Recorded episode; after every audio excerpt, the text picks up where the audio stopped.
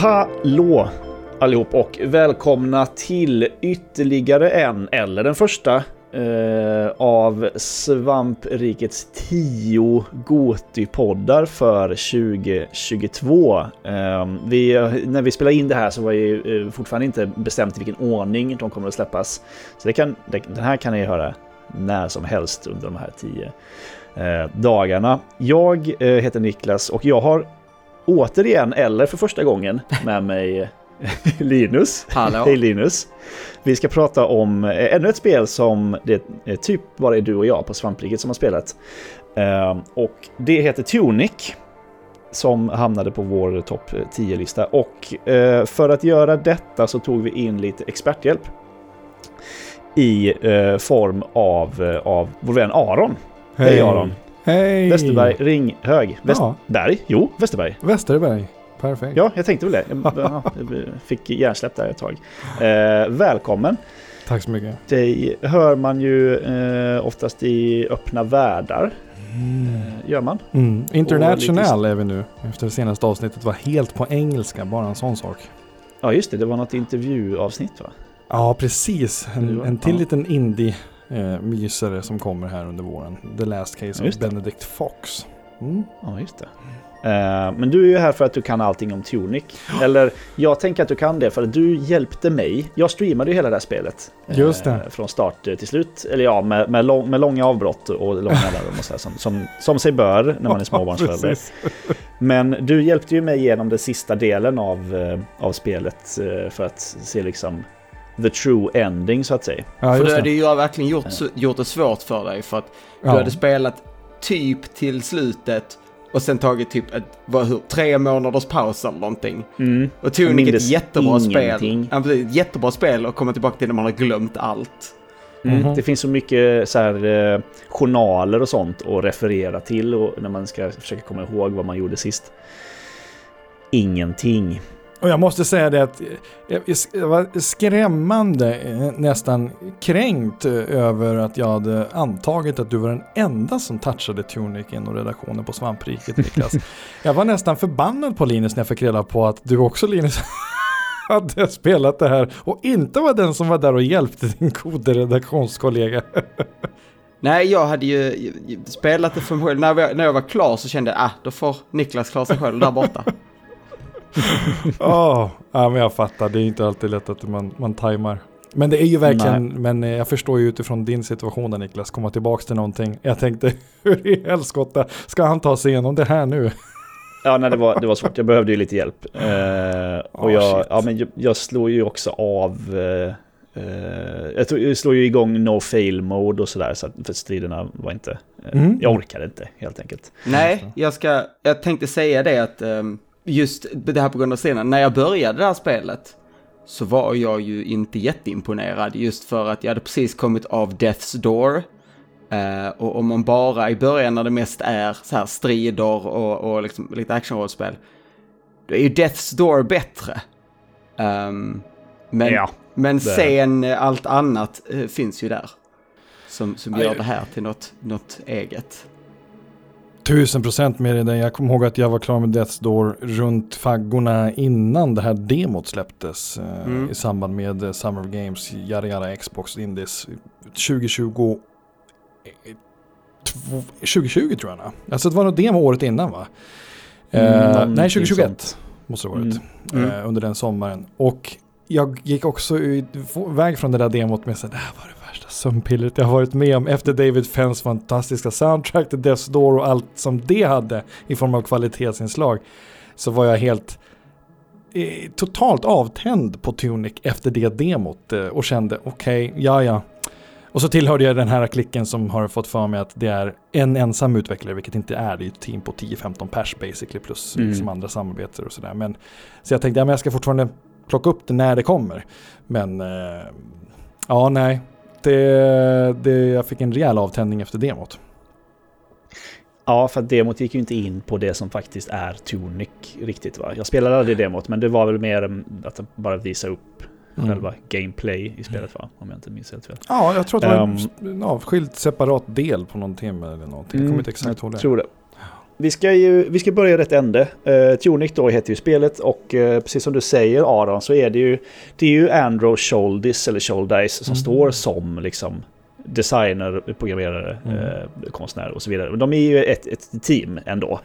Ehm, men det, det kallas väl ändå liksom hans spel på något sätt. Det, det är hans idé. i Ja, visionär ja, Eh, precis. så- så. Ja, Jag märker precis. att han har pratat mycket om det här i intervjuer och grejer. Just att han har, för Phil Spencer när det, utan, när det tillkännagavs eh, på någon Xbox-konferens om D3 så hade Phil Spencer dragit den romantiska inramningen om liksom så här one single developer from uh, Yara Yara Tchaikovsky eller vad fasen heter den kanadensisk hemstad. Så han romantiserade det väldigt fint. Mm. Eh, men, men det har ju verkligen, den marknadsföringen har ju funkat för att det är många som har tänkt eh, one guy. Men han Mm, mm. upprepade gånger poängterat att nej men vi är ett team som alla ska ha cred liksom. Då kanske han skulle ha en studio med ett namn. Ja. Tänker jag. Hade ju varit bra. Ja, men det är väl Finji Games eller? Eller är det Finji Ja, Publishing? de är ju... Ja, precis. De, Mm. de ger ju ut eh, spelet.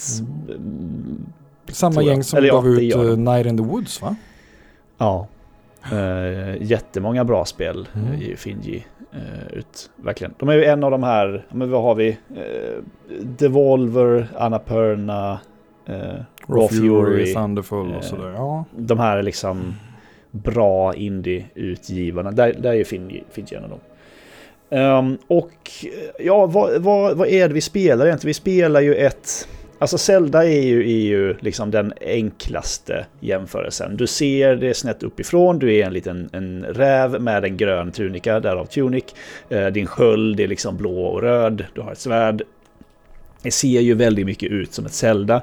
Men, och, eh, och du springer och slåss mot, eh, mot fiender och plockar upp eh, föremål. Men där slutar ju liknäll, likheterna skulle jag säga egentligen. För eh, du har ju dels ett stridssystem som är mycket mer avancerat. Med dodge och, och parry och, och allting sånt. Eh, som folk... Det är också ganska trött att likna allting som har dodge och parry och eh, ganska svårt med Dark Souls. Men Mm det är den liknelsen, liknelsen folk gör. Mm. Ehm, men som vi sa, det är ju inte det som är Tunic. Mm. För om, det, om man bara ser det av Tunic, då har du ju inte, då har du inte spelat det här spelet alls. Nej. För det är liksom själva, eh, själva, eh, själva mumman ligger ju i den här instruktionsboken som man hittar sidor av i Tunic. Som ju är, verkligen ser ut som en instruktionsbok till ett ja, Super Nintendo-spel Mm. kanske. Mm. Närmsta. Jag, tänk, jag tänker att inspirationen är väl definitivt av att typ när man importerade tidiga Super Nintendo-spel från Japan. För det är skrivet i ett språk du inte förstår förutom enstaka Exakt. fraser. Mm. Och det var Till och med engelska kunde ju varit mäckigt om, om en var 6-7 bass liksom. Ja, precis. Ja, precis. Men så att, att ha det på ett språk man inte förstår, Mm. sitta och bläddra och vara liksom... Jag kan väl gissa att baserat på bilden och det att det här är vad de menar. Och, och sådär. Mm. Och det är väl den känslan som de eh, har försökt eh, fånga på något sätt som man hade när man var barn och satt med de här märkliga spelen och inte förstod någonting. Det fanns inga tutorials, det finns inget tutorial här, det finns liksom inga, jag tror inte det finns någon prompt som visar någonting va? Och någon, vilken Nej. knapp man ska trycka på. Nej, jag tror inte Nej, det. det är mycket liksom, här är ett tv-spel, du har en karaktär, kör Mm. Mm. på något Mm. sätt. Och resten står i instruktionsboken. Man bara, "Ja, vad är instruktionsboken? Ja, men den har Mm. du inte hittat än. Nej, okej. Precis som det var förr också ofta att det finns, alltså många gamla spel om du drar igång dem nu och inte har instruktionsboken kan det bli jävligt förvirrande för att tutorial är något som har växt fram över tiden. Länge var det liksom det. så att nej nej, dina kontroller, det du kan göra, det står i manualen. Har du inte manualen, Mm. ta flack. Precis. Och det finns ju mycket i det här spelet. Visst, du lär dig ganska snabbt hur du går, hur du rullar, hur du skyddar dig, hur du slår. Eh, men det är ju i princip det. Resten får du ju hitta i manualen och det finns ju väldigt mycket mer i det här spelet. Det första exemplet är väl egentligen att man hittar liksom shrines, statyer av, eh, av eh, liksom någon sån, en fin, en fin räv. Och så tänker man här ska man, det. här ska man göra någonting. Och man, man plockar upp någonting och man, in, man så här, tittar i sin meny och ser att ja, men jag, må, jag borde kunna levla på något sätt. Liksom. Men det. hur fan gör man det? Och Och vad är det det är jag liksom- för något? Mm. Ja, men precis. Det, det första exemplet är väl att man hittar en sida då i ganska tidigt där det står att eh, gå fram till den här statyn, håll inne A. Mm.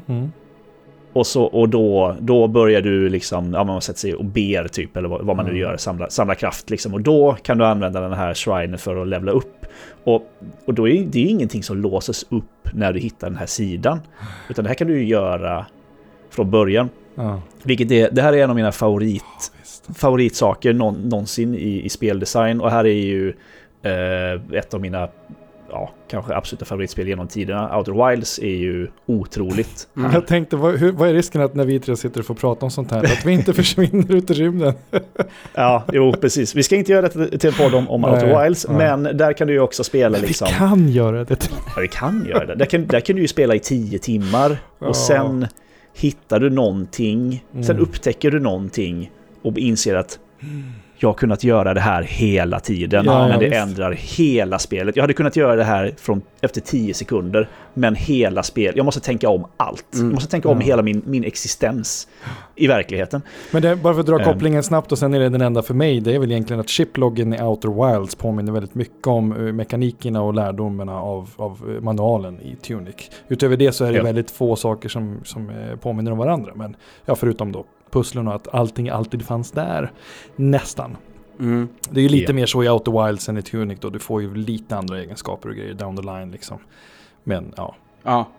Ehm, Ja. men, men det finns definitivt en genomgående, även om Outer Wilds gör det mycket mer så är det alltid, Mm. jag, som, jag som du är väldigt fascinerad av det här att inte låsa för, förmågor utan snarare gömma dem.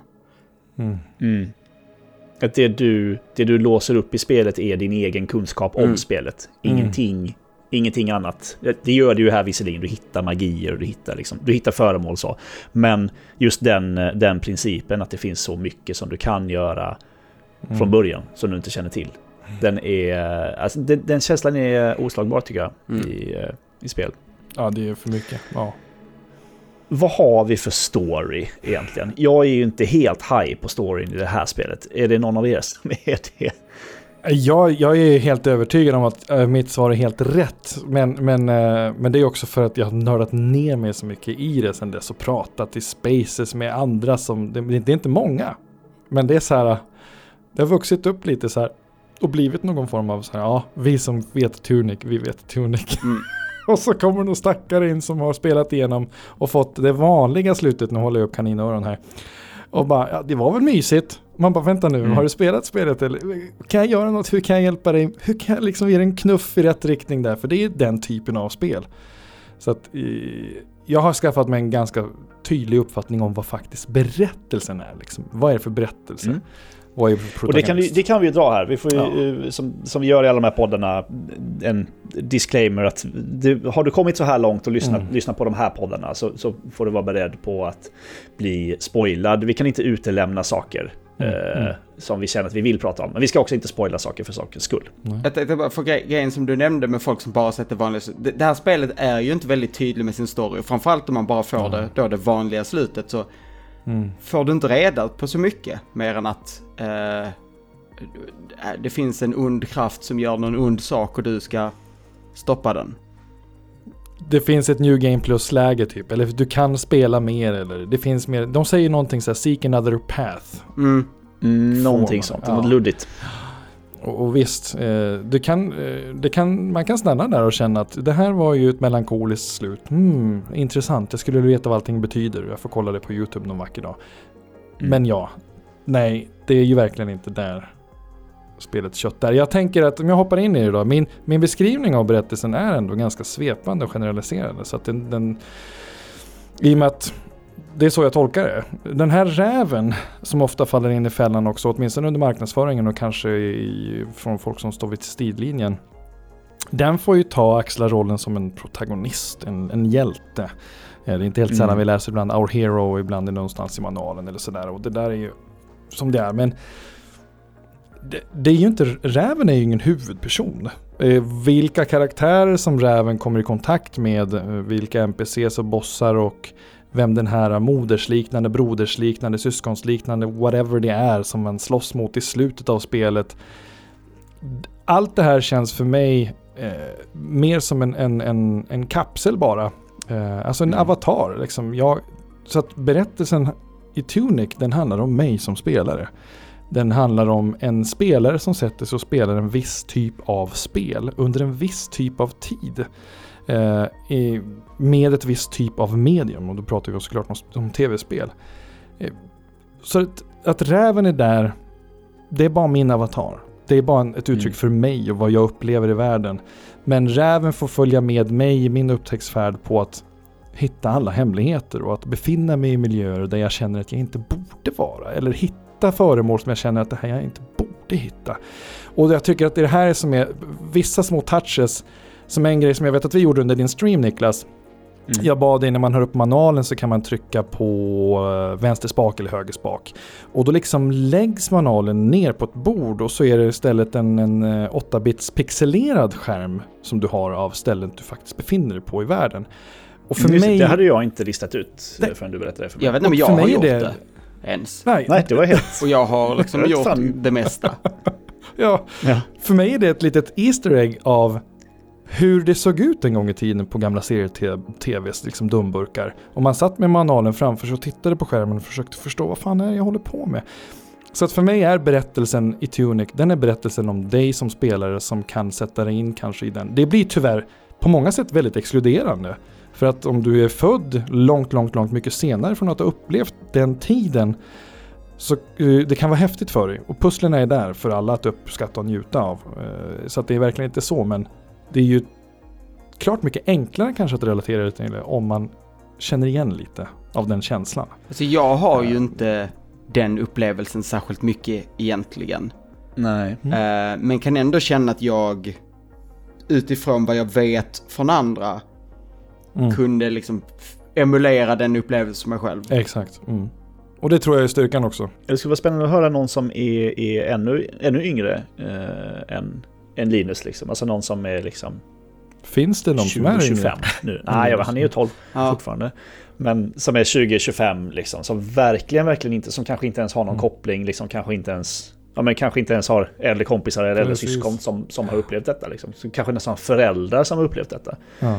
Eh, det hade varit intressant att höra hur de upplever det hela. Mm. För att det, det, här också i eftertexterna eh, så är det ju de, de här när du verkligen är klar med allt och hittat hela instruktionsboken då får du ju eftertexter där du faktiskt ser två personer då eller vad som symboliserar som det känns som ett syskon eh, två syskon eller ett barn och en förälder eller någon eller två vänner som sitter och spelar någonting framför en gammal burk liksom på olika platser. Så att Äh, för mig, för mig är berättelsen allt som sker som någon form av symbolik kring vem du nog räddar eller slåss mot eller gör det ena och andra mot. Det är bara liksom kapslar. Eh, eller du, är, du, du följer med i den här kapseln, du är bara en del av den här avataren. Så att egentligen är berättelsen om, om mig som spelare. Eh, och hela upplevelsen av att spela spel från en tid som inte riktigt är så hjälpsam som idag. Eh, men jag tycker jag är helt, jag är helt hänförd av det här spelet. Jag är helt tagen. Det är mitt tveklösa hittills i alla fall, till exempel Goti för, för 2022. Mm. Så att jag har verkligen fastnat i, i njutningen. Och jag tror att det är första gången då jag själv också har lyckats och verkligen lista ut saker utan att få en knuff av någon som visste det innan mig. Eh, så det, det tillför ju mycket såklart. Oftast Mm. ja, så, så behöver jag kanske en knuff. Jag är jävligt trögtänkt alltså.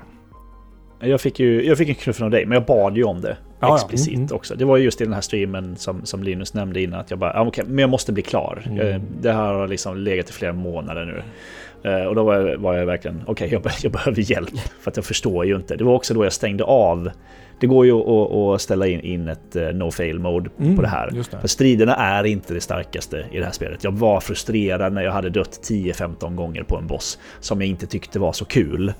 Och då insåg jag att vad fan, varför, varför håller jag på med det här? De har lagt med ett no fail mode. Mhm. Och det är inte därför jag spelar spelet. Det är inte det spelet handlar om. Mm, mm. Jag förstår faktiskt egentligen inte riktigt varför eh, svårighetsgraden är så pass hög som den är. Ja, det kan jag svara nästan på. Alltså, han hade ju en idé om, eh, ja men precis, han hade en idé om att eh, det skulle finnas en utmaning. Det skulle finnas en, en, eh, en känsla av utsatthet. Eh, den lilla räven, en del av upplevelsen skulle vara att du skulle känna dig utsatt och ute i främmande farliga liksom, miljöer. Och i en del av det så skulle det vara svårt. Du skulle kunna ha fiender som tog ihjäl dig. Men att han tillsatte den här no fail mode, att de tittade på just eh, tillgänglighetsinställningarna var återigen för att det viktigaste är, precis som du är inne på, det är ju manualen och Mm. känslan av att utforska och Mm. hitta hemligheter liksom. Jag, jag kan säga det, jag fick ju det, det bästa slutet först. Och det är inte för att jag är väldigt, väldigt smart. Det är för att jag eh, slogs mot sista bossen och gjorde det typ en 5-10 gånger. Och så var jag så här, nej, jag tycker inte det här är så roligt så jag tänker gå och lösa pussel istället. Och så löste jag alla pussel och sen kom jag tillbaka till sista bossen och då fick jag det bra slutet där man då slipper slåss mot sista bossen. Men va? För, för jag orkade inte, för jag kände att sista bossen var så jävla... Så jag bara, nej, jag tycker det är mycket roligare att gå runt och försöka lista ut hur världen funkar och, och liksom alla de här små pusslerna. Och det, det är ju ganska, inte jättenära innan dess, men liksom rätt så nära innan dess så har man ju då fått det här avslöjandet av det här andra lagret av pussel som finns gömt genom spelet. Um, Det som vi flera gånger i podden när vi pratar om det har jämfört med um, när man i The Witness tittar upp och ser liksom alla de här, att det finns mönster ute i den riktiga världen. Eh, Mm. Plötsligt ser du The Matrix liksom och bara... I know kung fu. precis, man inser så mycket i det här spelet också, så många ställen man tittar ut och inser att åh gud, alla de sakerna jag har sett hade en andra mening. Jag måste tillbaka till alla platser jag varit på. Ja, shit. Jag kommer ihåg, jag hade ju till och med, jag var ju så förvirrad, så jag försökte ju säga att du skulle göra de koderna på vissa ställen som var helt fel Niklas. Bara för att jag Ja, också så det. här, där är sådana här mönster. Här måste ju vara en kod ju, tror att det var här. Ja, när vi letade efter fairies. Mm. Ja. Just det. Ja, precis. Det är de där dörrarna som man kan eh, öppna och sådär också med bara genom att... Men det, det är så enkelt. Du ser, det har ju ett mönster i dörren och, men du tänker inte på att du bara ska stå där och trycka eh, trycka det mönstret med styrspaken eller med, styr, med, liksom med styrkorset. Och man känner sig så dum när man får reda på det. För man tänker varför har jag inte tänkt på det här? Men samtidigt så känner man sig också som ett geni Ja. när man får reda på det. Nu, nu, fick ju, nu fick jag ju hjälp av uh, Aron då, men jag hade känt mig som ett geni tror jag om, jag, Mm. hade, om jag hade löst det själv. Jag gjorde det för jag gick ju runt väldigt länge och letade efter det. Eh, Det refereras ju i, i eh, manualen länge innan man får helt förklarat om the, the, the Golden Cross eller något, eller The Holy The Cross. Golden Path. Ja, går inte på, men de också Eller? kallar The Holy Cross någonting. Alltså, vad är, the holy, är det ett Ah. föremål? The Holy Cross är ju då eh, padden, D-padden. Det, kryss, det är krysset. Ja, Alltså, just mm, ja. precis. Eh, och, och man använder det då till att göra magi. Ehm, som också är något då man kan göra genom hela spelet, men Ja. Som är dolt för dig. Vad var det första pusslet som ni kom på själva då? Eller var, det- var, om det, den första aha-upplevelsen, kommer ni ihåg den? Nej, alltså det är ju det här när man, man ska levla, men det, det räknas inte riktigt. Det är ju nästan tutorial. Du Mm, hittar den här första sidan. Och så, Det är väl lite godkänt ändå. Ja, men det, det är väl den, det var det första i alla fall som jag... Jag vet inte om jag kommer ihåg något, men jag vet att ett pussel tidigt som stack, som fastnade i huvudet det var efter att man lärt sig om eh, då, liksom, att man kunde slå in koder och jag var väldigt så här exalterad över det. Det var ganska tidigt så såg jag vindkraftverket. Eller det här eh, med Mm, vingarna som står och snurrar. Och jag Tog du den insåg, själv? ja och jag inser att vänta, vingarna ser olika ut. Det finns ett mönster här. Ehm, det Alltså den var jobbig. Den, jag behövde veta, jag, någon behövde säga till mig, jag tror att jag kollade upp eh, på kvarnen, att, att eh, där finns ett mönster. Eh, Jag tror att några, några av Fairies som jag hittade eh, hade jag en guide och då var det så här, då hade jag hittat någon guide där de, så intentional, liksom spoiler free guide. Mm. Eh, där de sa så här, gå till den här platsen. Och så finns det så här, okej, förstår du fortfarande att det finns en ännu mer, lite som avslöjar lite i taget. En skitbra guide. Snyggt. För det finns, det finns ju också, jag vet inte om du använder den, det finns ju en, eh, en spell du kan göra som pekar dig till alla relevanta platser. Ingen aning. Eh, det, fi- det, fi- Absolut inte. Det visste jag nog inte. den finns, ja, man kan ju se, det finns ju små typ eh, penninskrivna grejer i eh, manualen. Precis som att det Just finns, det med bläck ja. det finns att någon kod för att få fler bomber och någon kod, liksom det finns sån, lite sådana små koder. Eh, och så finns det en som då skickar iväg en liten sprite ifrån dig till i riktning mot närmsta hemligheten. Närmsta objektiv, ja okej, ja men det kan jag för sig ha sett vet du. Det är nog inte omöjligt. Eh, kul kuriosa, självklart är det Andrew Scholdice eh, handskrivna anteckningar med bläckpenna som, som är Ja, i manualen. Det är det. För den är, det är en eh, riktig manual som de har skannat in va? Jag Ja, ja någon nej. har sagt det, eller? Ha, ja, alltså, no, det finns fortfarande, fortfarande inte något officiellt eh, kring en fysisk manual som ska skickas ut med liksom översatt eller sådär. Och manualen Mm, gjordes av en, det var en person som hade, det var en art, liksom art, eh, en artist helt enkelt som han vände sig till och ville att de skulle, för att han ville att den skulle, många manualerna från den här tiden på 8 och 16-bits var ju liksom det var ju väldigt mycket snyggare och coolare bilder på protagonister och Mm. karaktärer än vad det var för faktiska spelet. Så Ja, han ville ha något som precis. stack ut lite. Eh, och, så att manualen i sig är inte fortfarande tryckt men det är typ det första som alla frågar om. Men hade de, ett, hade de själva en fysiskt exemplar? Mm, det var det, ja. Som Ja, han nej, skrev det- i? Eller skrev han på ett annat papper och skannade in det bara? Ja, ja i och för sig i sådana fall så den har jag ingen aning om. För det, så, så detaljerat kan inte jag minnas att jag har hört i någon av intervjuerna. Men det han har pratat om är att han hade ett designdokument fysiskt. Som var typ, Mm. man vecklade ut som ett dragspel på så här typ 20-30 sidor. med grejer som bara såg ut som en mordgåta-mysterie. Eh, så att det har tydligen funnits fysiskt. Men jag kan inte föreställa mig baserat på vad jag vet att han har liksom en, en artist har outsourcats för att göra varje sida och sådär. Jag kan inte se att den kom över och målade fysiskt. Jag har ingen aning. Nej, men jag tänker om de, om de, de, de gjorde en digital, skrev ut den och sen Ja, ja, ritade ja. han in den och så skannade de in den Ja, igen. men precis. Men ja, det, det, Det är ju väldigt snyggt det här Mm. att de har lagt in eh, liksom en, rast, en rastereffekt eh, som Mm. om det vore en tryckt, eh, en tryckt sida. Den är så jävla högupplöst, du kan ju zooma in liksom Ja. hur långt som Mm. helst och se liksom bara prickarna i rastret. Det är o, otroligt snyggt. Jag, jag, har, jag har den här manualen framför mig här. Eh, eh, digitalt då såklart. Och det, Okej. det, det är... Ja, nej, jag har... ehm, det, you never know. och eh, har hittat liksom en där folk har översatt all text i den. För att det finns ju. Det går ju. Det här är ju, det är ett språk som går Mm. att lösa. Jag vet inte, Linus, du gjorde väl det? Gjorde inte du? Nej, grejen var att där var tydligt upp. Jag gjorde allting förutom att knäcka språket. För jag gjorde en liten snabb googling. Och grejen är att språket är ju inte som, jag tror till exempel i FES så finns det ett språk där det mer eller mindre bara är tecken som betyder bokstäver.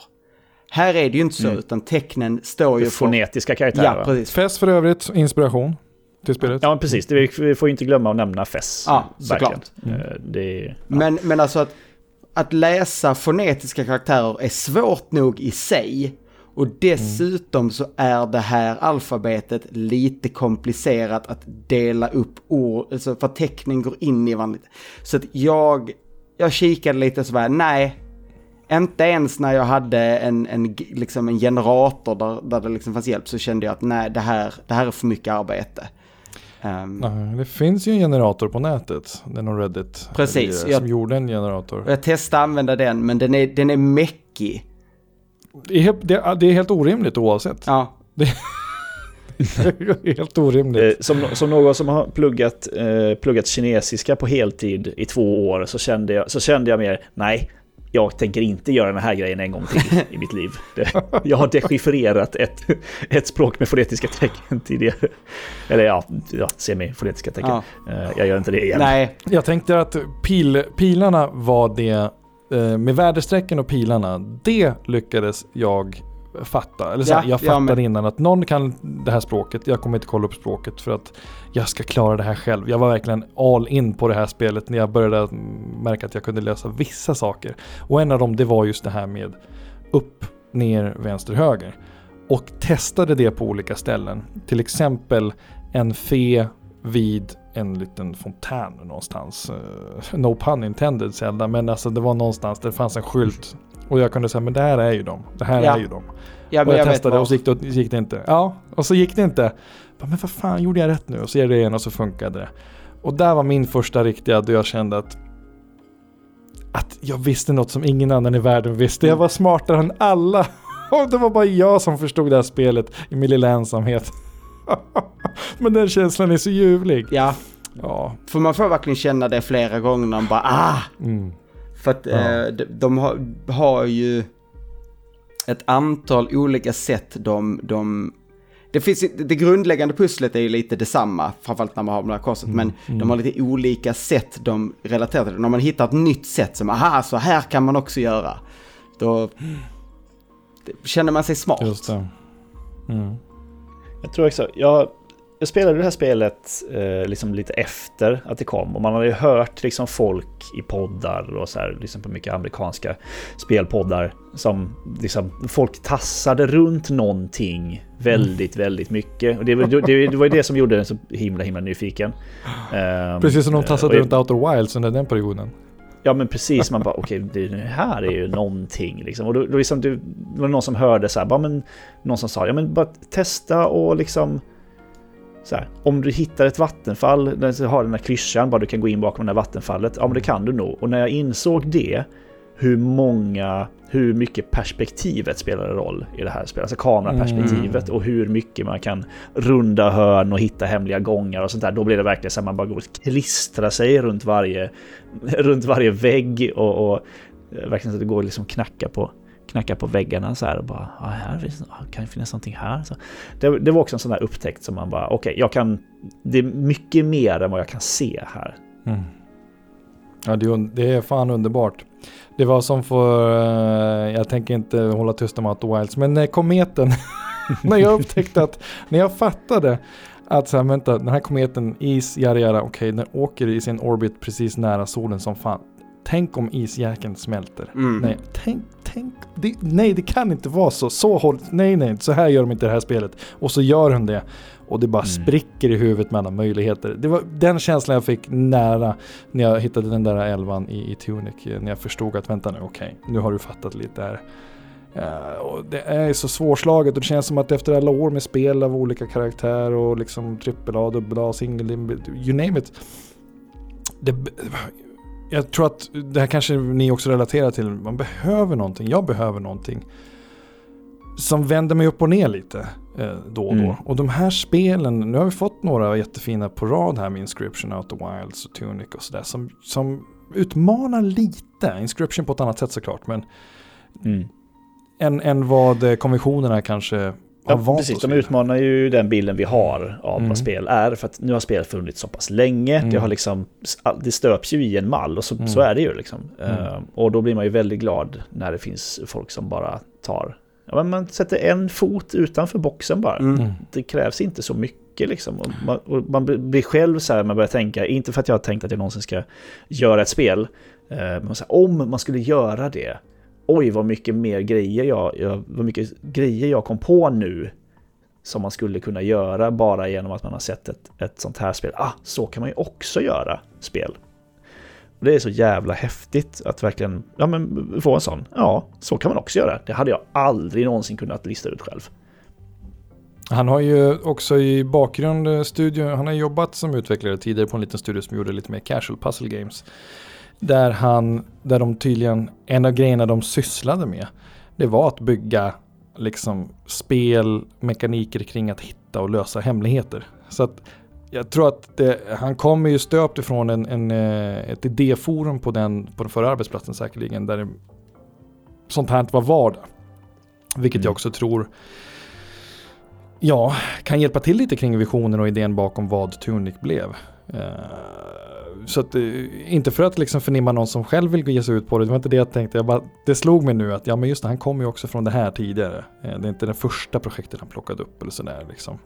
Eh, men, men det är lik förbannat så är jag ju nyfiken på liksom. Precis som att jag dör efter att få se vad Mobius Digital gör härnäst. jag är mhm. jättenyfiken på att se vad Andrew Scholdice och hans team gör härnäst liksom. Yep. Ja. Alltså jag, jag, känner, jag måste bara känna så här, vad jobbigt det måste vara på ett sätt att ta så här, det här är ändå ett så här mångårigt passionsprojekt som känns som liksom många mm. idéer som har legat perkulerat under många år. Ja, och så en till då.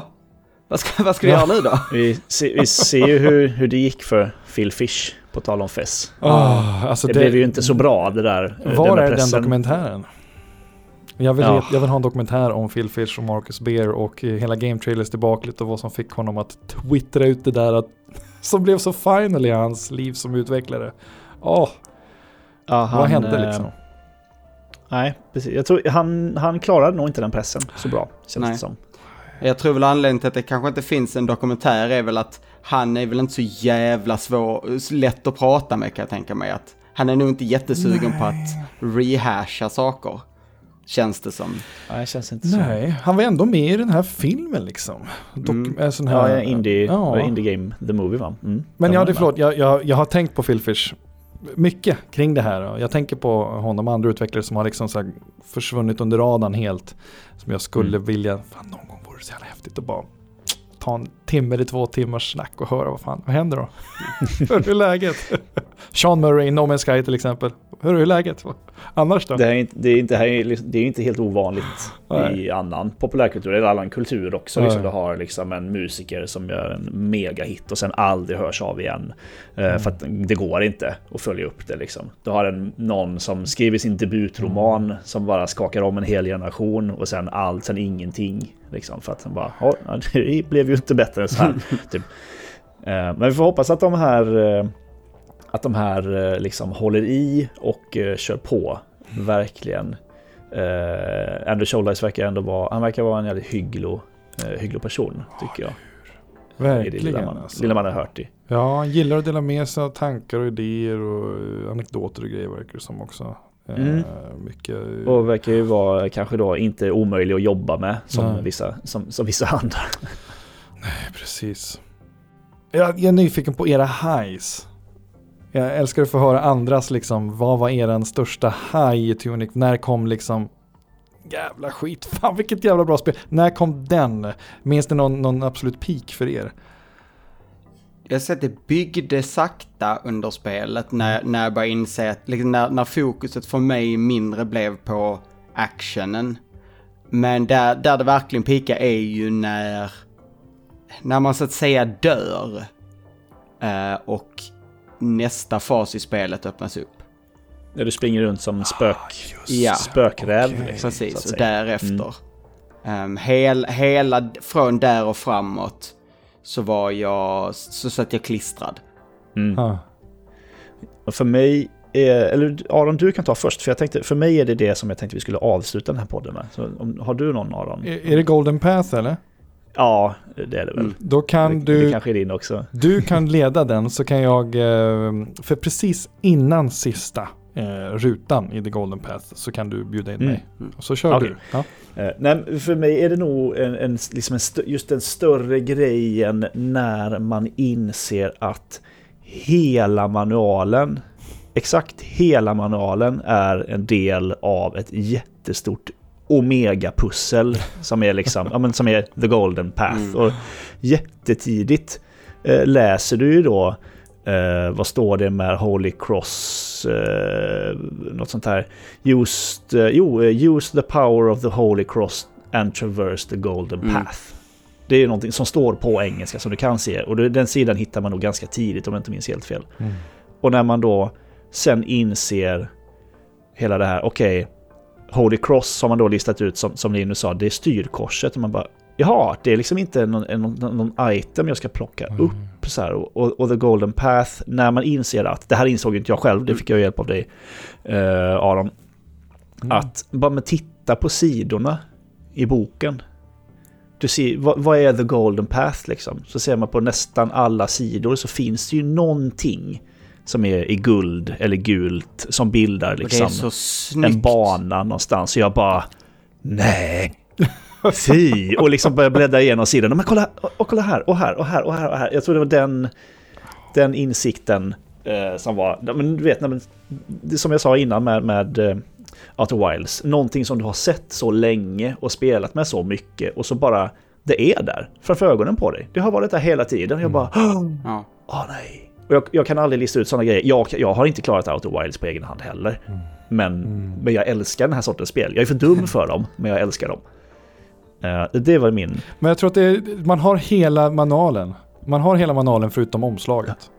Första och sista sidan har man ju. ja, Ja, så är det nog. Ja, och det är det man får slutet på Mm. Golden Path. det är sista. Ja. Hur, eh, hur pusslade ni ihop? För jag, jag satt i Photoshop och screen, screengrabbade och pusslade Ja. ihop dem. Aha. Så att- Jag hade Aron som sa till mig vad jag skulle trycka. Vänster, upp, ner, vänster, Fast du höger. hade ju papper och penna. Ja, Ja. Det, det, det hade jag. Du Eh, fick ju du göra med papper och penna, precis som jag också gjorde. Alltså det här... Just det, vi gjorde ju med papper och penna först och sen så blev det ju ändå fel. Och då var jag så här, nej men bara säg vad jag ska trycka. Så, Okej. så kom Just det, så var det kanske. Till slut. För att jag, jag ritade fel någon gång. Jag, jag orkar inte fel söka det här. Jag kan inte gå tillbaka och kolla alla strecken. Fyra försök tog det mig att slå in koden rätt. Även när jag hade pusslat ihop allt tog det fyra försök. Och det är många knapptryckningar. Det är som typ där. Två minuter igen. på en inslagning. Ja, Ja. Ja.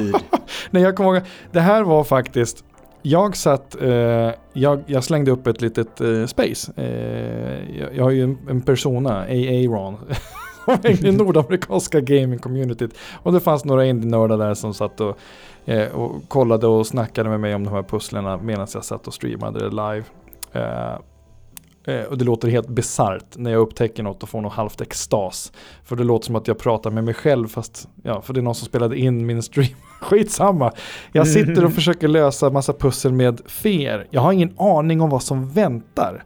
Utan jag tänkte bara att men det här är kul. Jag vet att det finns några som följer mig här som gärna, som gillade Tunic också, eller som spelar det liksom inte fattat sådär. Så att, ja. Så vi sitter med och diskuterar två, tre stycken. Vad betyder det här då? Och löser det här med att hitta lite feer. Kan det vara den här? Och jag kommer ihåg vi satt och blev helt galna på hur ologiskt det skulle vara att man skulle förstå vattenreflektionerna i den här lilla grottan och se mönster i det. och sådana här grejer.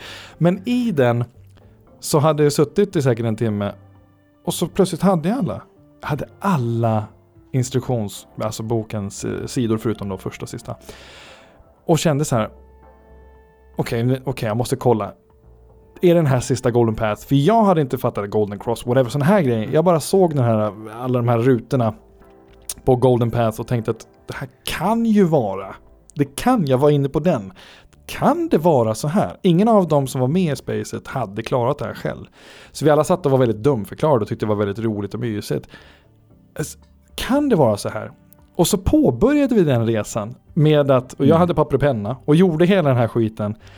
Och för att det hade ju funkat mycket hade ju varit liksom någorlunda korrekt innan. Långa, dryga, komplexa koder. Vissa feerna är ju så här långa koder som tar 20-30 sekunder att trycka in. Så att det var inte helt, helt främmande att det skulle kunna vara galet att den här golden path på varje sida var någonting.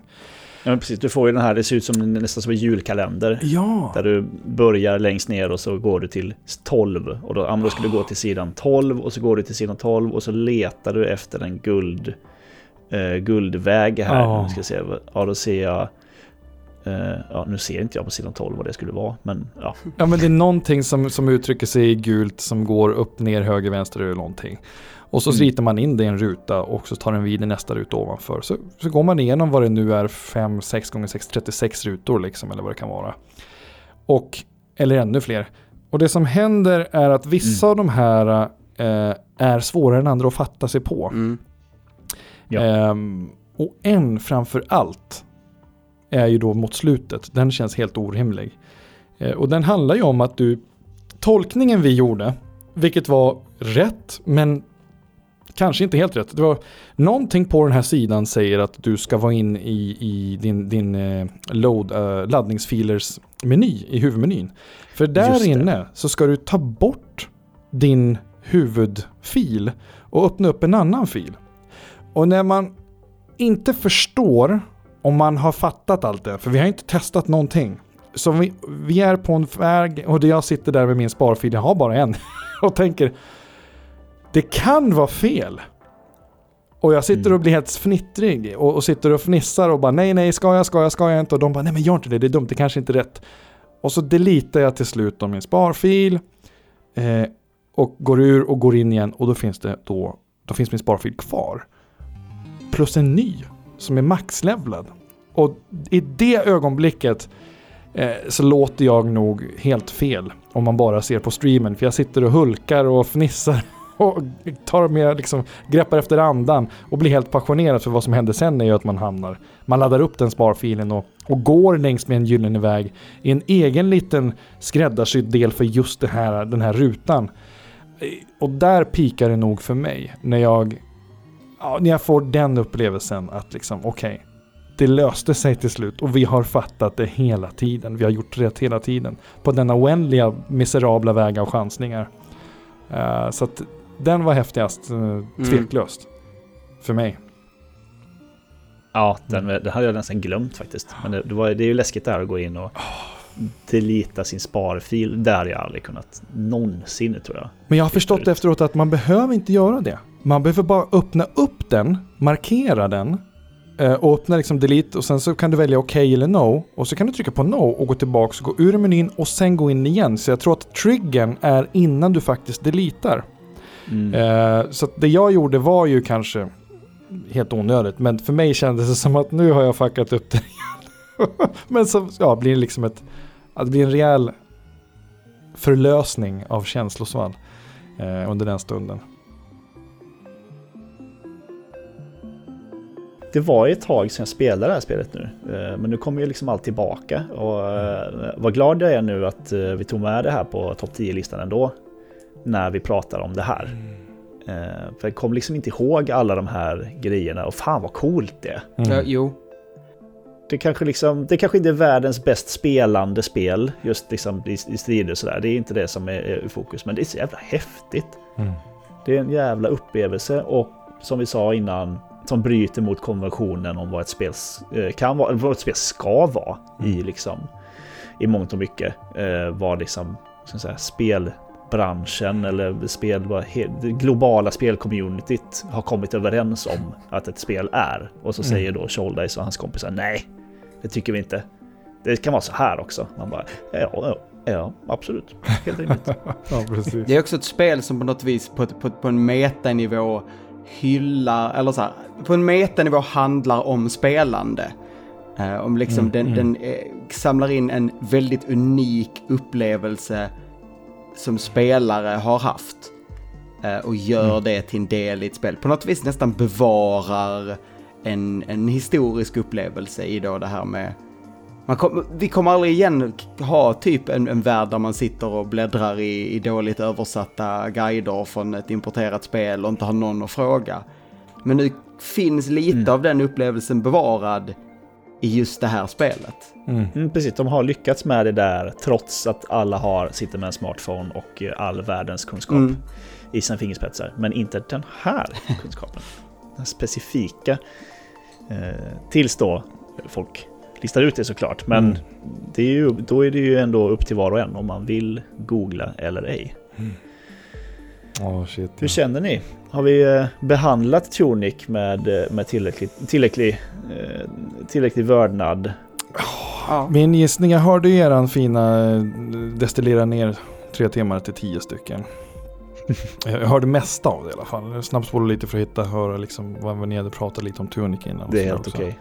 Jag, och jag, jag tänkte så många gånger på att det fanns en tid då svamparna var jäkligt pretentiösa. Mm. Det gick igenom hela navet. Då hade fan Tunic, det hade dansat hem en god Jag vet inte, jag tänkte för mig själv bara för att prata om mitt perspektiv om alla mina fina svampvänner. Uh, och jag, men, men jag, precis som oss alla här, nu, man, man, blir bara trött med åren, man har inte tid, det är så mycket som kommer och grejer. Och det här kräver ganska mycket av en själv, så att man behöver befinna sig i ganska rätt situation och period känns det som, för att man ska dedikera sitt, sin närvaro till det. Mm. Så är det. Uh, så, så kan jag tycka. Uh, men definitivt liksom Zelda-pusslet det mysiga, det wholesome, det, det, det mystiska, allt det här, det har ju verkligen så mycket att erbjuda. Eh, jag är otroligt nyfiken på att se hur det här tas emot under Bafta eh, senare också ja. i år. Eh, bara för att eh, vara sån. För mig har det jätteskönt att prata om det här. Jag har inte kunnat snacka spoilers på det här sättet någonsin än. för min Goti personligen, den brukar ju komma typ 8-9 månader efter alla andra. jag har spelat klart allt. Ja, det är bra, du ska perkulera lite. ja, det har varit skönt. Ja, det, det, är otroligt. Jag tror ju att man blir nog ganska besviken på Tunic om, man, om det enda man vill ha är en Zelda-klon. Men mm. då finns det andra mm. spel. Det finns väldigt många Zelda-kloner. Mm. mm.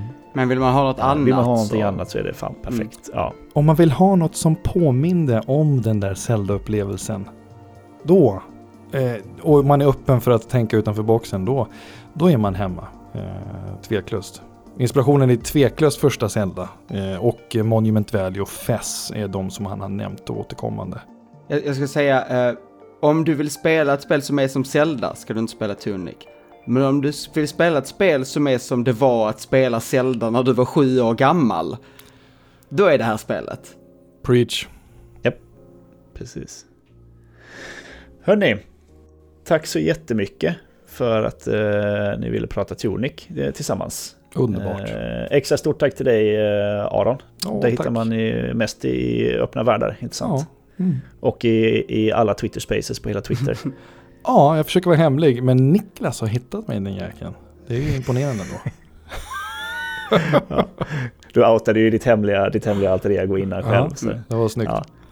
Det Ja. finns att hitta på Svamprikets Twitter. ja, just det. En Tunic-hemlighet är tematiskt. Ja, just det. Det Mm. kan folk, det kan folk gräva i. Och man kan gräva fram eh, Arons eh, engelska alter ego i eh, Svamprikes Twitterflöde. Från något vänster. Nej, men eh, som sagt, tack, tack så jättemycket. Det här har varit eh, Svamprikets Goti-podd om Tunic som man hittar på eh, PC och Xbox. Bara än så länge, va? Tror jag. Nej, nej, nej, nej. Playstation också. Mm. Mm. Det är på Playstation med? Ja. Mm. Kom eh, tre, fyra var- månader efter tror jag. Ja, ja men då så. Mm. Eh, men på, finns ju på Game Pass och sådär om man, eh, om man gör det. Som vi har sagt om i princip alla andra spel vi har spelat in. Mm, ja. som. Alla indiespel. De stora spelen kostar 900 spänn och sen alla indiespelen finns på Game Pass. ja, Typ så. Yes. Eh, tack så mycket hörni. tack så mycket. Tack själv. Ha det så himla bra. Ha det bra. Detsamma. Hej. Tack och hej. Mors.